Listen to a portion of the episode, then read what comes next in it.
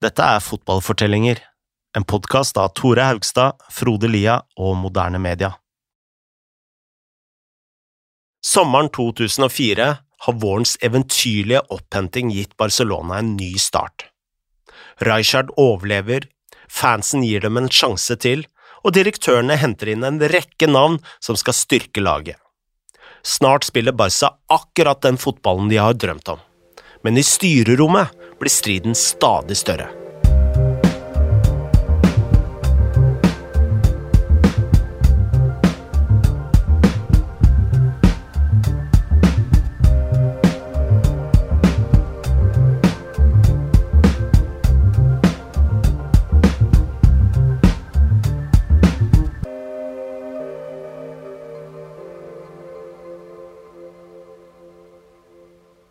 Var nødvendig for Barca å starte med blanke ark. Det turbulente førsteåret hadde lært direktørene hvor kompleks denne fotballklubben kan være. Laporta hadde kastet ut bråkebøttene fra tribunen, Soriano hadde unngått røde tall, og i stedet for å servere supper og kittycats var det Champions League-fotball som nå står på kveldsmenyen. Bare for å illustrere at det var en ny start, la direktørene nytt gress på Camp Nou. Etter fem år uten så mye som en supercup å feire, skulle Barca nå slåss om de store titlene der ute. Direktørene gjorde store endringer av stallen. Først kvitta de seg med stjerner som tjente fett, og som kanskje ikke presterte så bra, som Cloyfort, Saviola og Cocu. Disse ble enten lånt ut, eller rett og slett bare gitt bort gratis. Cuaresma og Luis Garcia ble solgt. Luis Enrique la opp, og så tok Chicky Begeristan ei ledig handlevogn, spaserte ut på overgangsmarkedet og plukka med seg navn som Samuel Letto, Juliano Belletti, Ed Milson, Sylvinio, Demetrio Albertini, Ludovic Gilly, Henke Larsson og Deco. Det disse hadde til felles, sa Soriano, var at de alle var sultne. Nesten ingen av de hadde vunnet noe som helst. Faktisk hadde de fleste av dem noe å bevise på toppnivå. Eto'o hadde spilt i flere år i Real Madrid, men han fikk ikke spille på A-laget, så han dro til Mallorca. Og nå var han endelig i en klubb som kunne vinne store titler. Belletti kom fra Villa Real, Sylinio fra Celta Vigo, Edmilson fløy inn fra Lyon, og Jolie forlot Monaco. De eneste som hadde vunnet store ting før, var Deco, som nettopp hadde løfta Champions League-bøtta med Porto. Henke Larsson, som hadde runda skotsk fotball, og ikke minst legenden Albertini, som hadde vært i Milan gjennom hele 90-tallet. Det er jo ofte sånn at eh, klubbene må overtale spillerne til å komme til de, men eh, med Deko så var det spilleren som hadde måttet overtale klubben. Og igjen så handler jo alt dette om Jorge Mendes. Han hadde prøvd å få DK til Barca i et drøyt år, med full bruk av alle mulige metoder for å overtale direktørene. Da Porto hadde spilt i supercupen i Monaco året før, så hadde Chiqui og Laporta reist dit for å se Deco, men uh, Deco hadde ikke spilt særlig bra, da, og Porto krevde uansett 15 millioner euro, så Barcelona var jo ikke særlig interessert i å hente han på det tidspunktet. Og Uansett så hadde de jo Ronaldinho som sin playmaker og kreative spiller. Hvorfor i alle dager, spurte de Mendes, skulle de bruke så mye penger på Deco? Men Mendes ga seg ikke. I november samme år møtte Barca Porto i en vennskapskamp for å markere åpningen av Portos nye stadion. Den matchen er blitt mest kjent for å være A-lagsdebuten til Lionel Messi, men om vi blar litt i boka om Mendes, finner vi en historie fra Echavaria som sier at Mendes inviterte Tixi og Laporta ut på middag rundt samme tid. Visstnok skal han gjort dem halvveis gal ved å hele tiden prate om Deco. Om Barca ville vinne Champions League, sa Mendes, så måtte de kjøpe Deco. Laporta sa at uh, ok, jeg skal tenke på det, og så dro han hjem til sitt, men Mendes var fortsatt ikke ferdig. Senere ba han de to ut på atter et måltid, og denne gangen begynte han operasjonen allerede før vinen lå i glasset. I bilen på vei til restauranten så spilte Mendes en sang som portofansen hadde dedisert til Deco. Og denne sto på repeat helt til bilen var fremme, og eh, innen de gikk ut døra og gjorde seg klar til å gå inn til restauranten, så sa Echeveria at han kunne teksten helt utenat.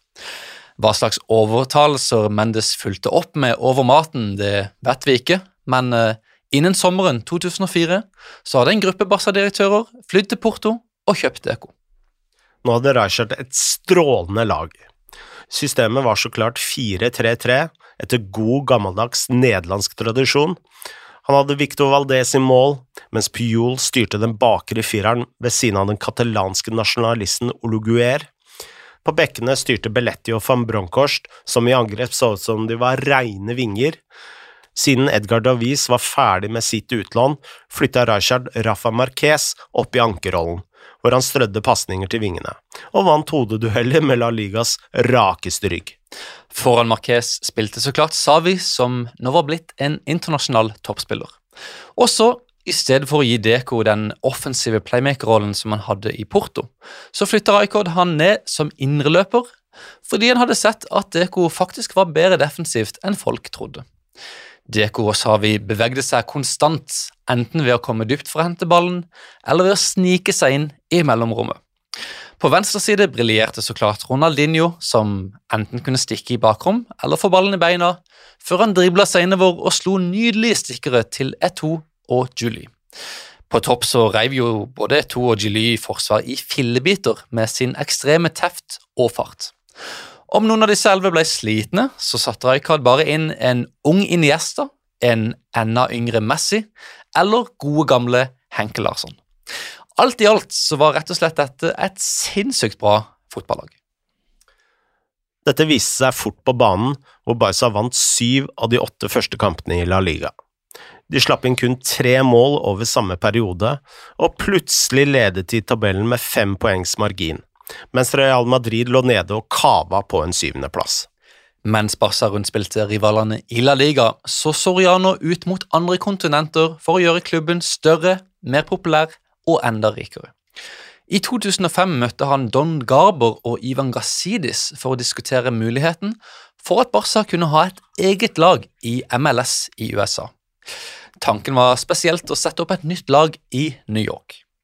Dette skjedde aldri i Barca, men eh, vi kan jo ta med her at eh, da Soriano ble hyra inn av Manchester City i 2012, så var det første han gjorde å fly til USA og stifte New York City, altså en franchise for Manchester City. Uansett, i Barcelona hadde jo Soriano andre måter å øke populariteten på. Han uh, satte f.eks. opp en japansk versjon av hjemmesida, og åpna opp medlemskapene til fans verden rundt. Seinere var faktisk Soriano i en bar i Tokyo hvor han snakka med en katalaner, da fyren bak baren kom bort til han, holdt opp et kort og sa 'Jeg er medlem'. Og De neste timene så fikk ikke Soriano lov til å bestille noe som helst uten at mannen i baren betalte. Men om alt var vel på banen og på Excel-arket, så var ting mer komplisert blant direktørene.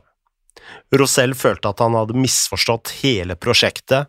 Mark Ingla sa at Rosell var imot hvert eneste forslag som Laporta kom med, og visstnok ønsket Rosell flere spillere fra hans egen kontaktliste.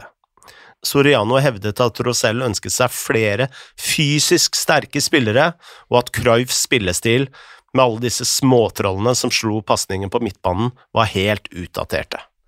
Enn så lenge holdt de gode resultatene striden i sjakk. Barca leder La Liga nesten hele sesongen og sikra tittelen fire poeng foran Real Madrid. Deco påsto senere at nøkkelen til denne triumfen hadde vært et lagmøte på en spa sør for Barcelona, hvor spillerne hadde diskutert hva de måtte gjøre for å bli seriemestere, mens Rijkaard hadde hørt på og tatt notater.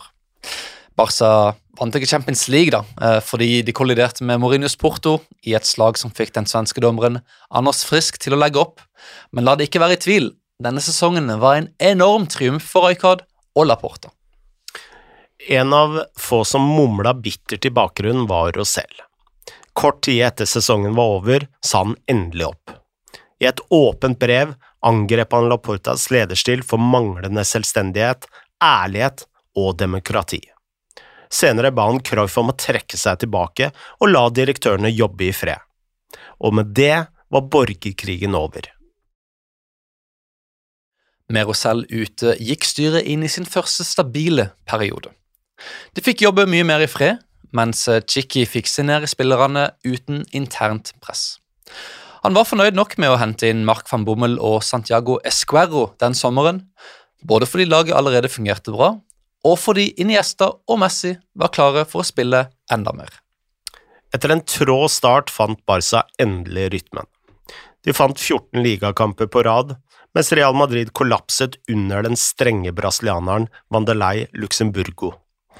Da de møttes i El Clásico på Santiago Bernabeu i november, sikra Barca en knusende 3-0-seier. Og stjernen, som alltid var Ronaldinho. Først dansa han seg forbi to spillere og banka ballen forbi Iker Casillas, og så fikk han ballen på venstre, kjørte en overstegsfinte forbi Sergio Ramos og trilla ballen i nettet. Ronaldinho, Ronaldinho está más solo que la una. Puede romper ahí a Ramos, Ronaldinho, Ronaldinho.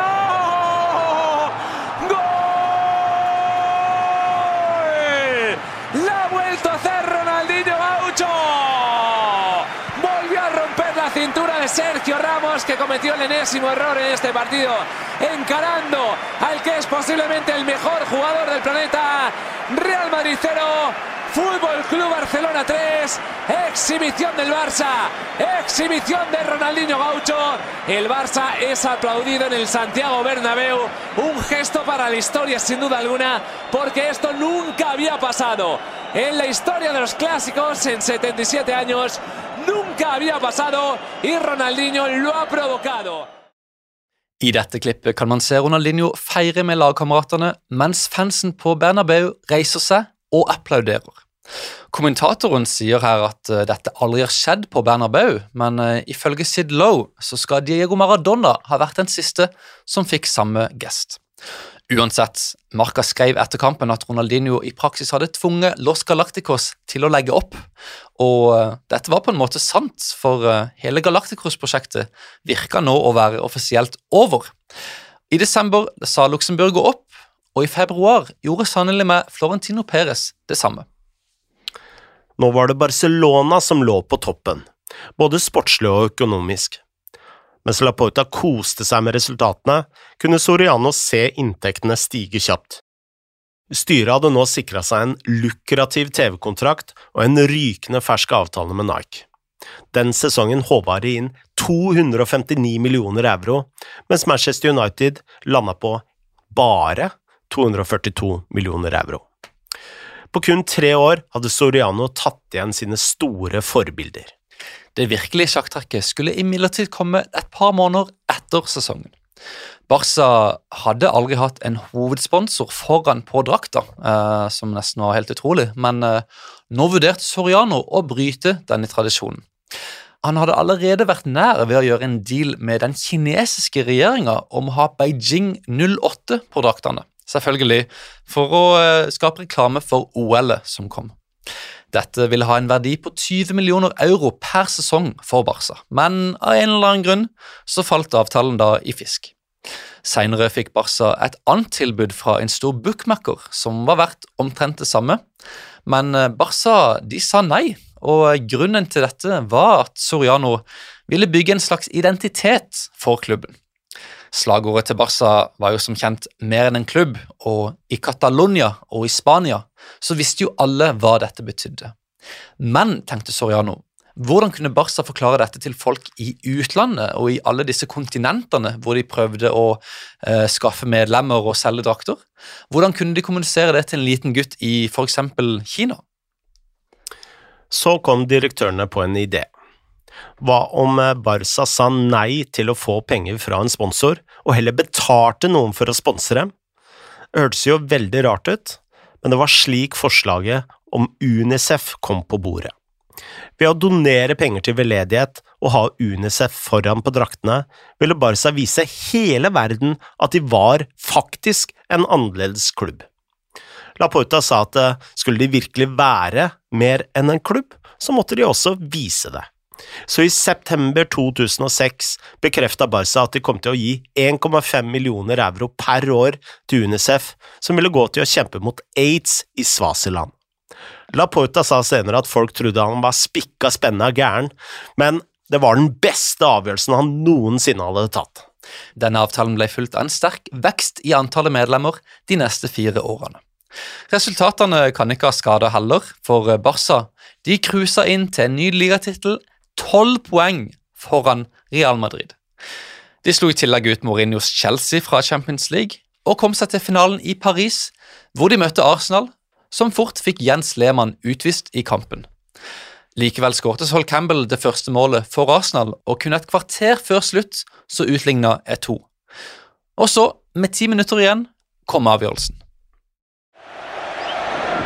Larsen, good control. Tucked into Belletti.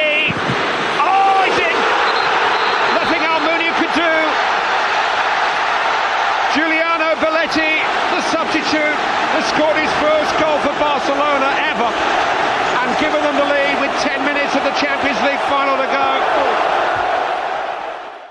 Barcelona vant finalen 2-1 og sikra sin andre Champions League noensinne, og den første siden 1992.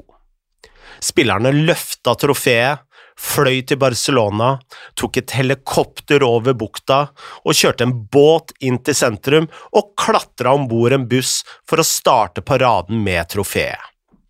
Etter tre år med opp- og nedturer hadde Laporta nå en kommersiell pengemaskin, det beste laget i Europa og den beste spilleren i verden. Men om han trodde at ting ikke kunne bli bedre, så skulle han få rett.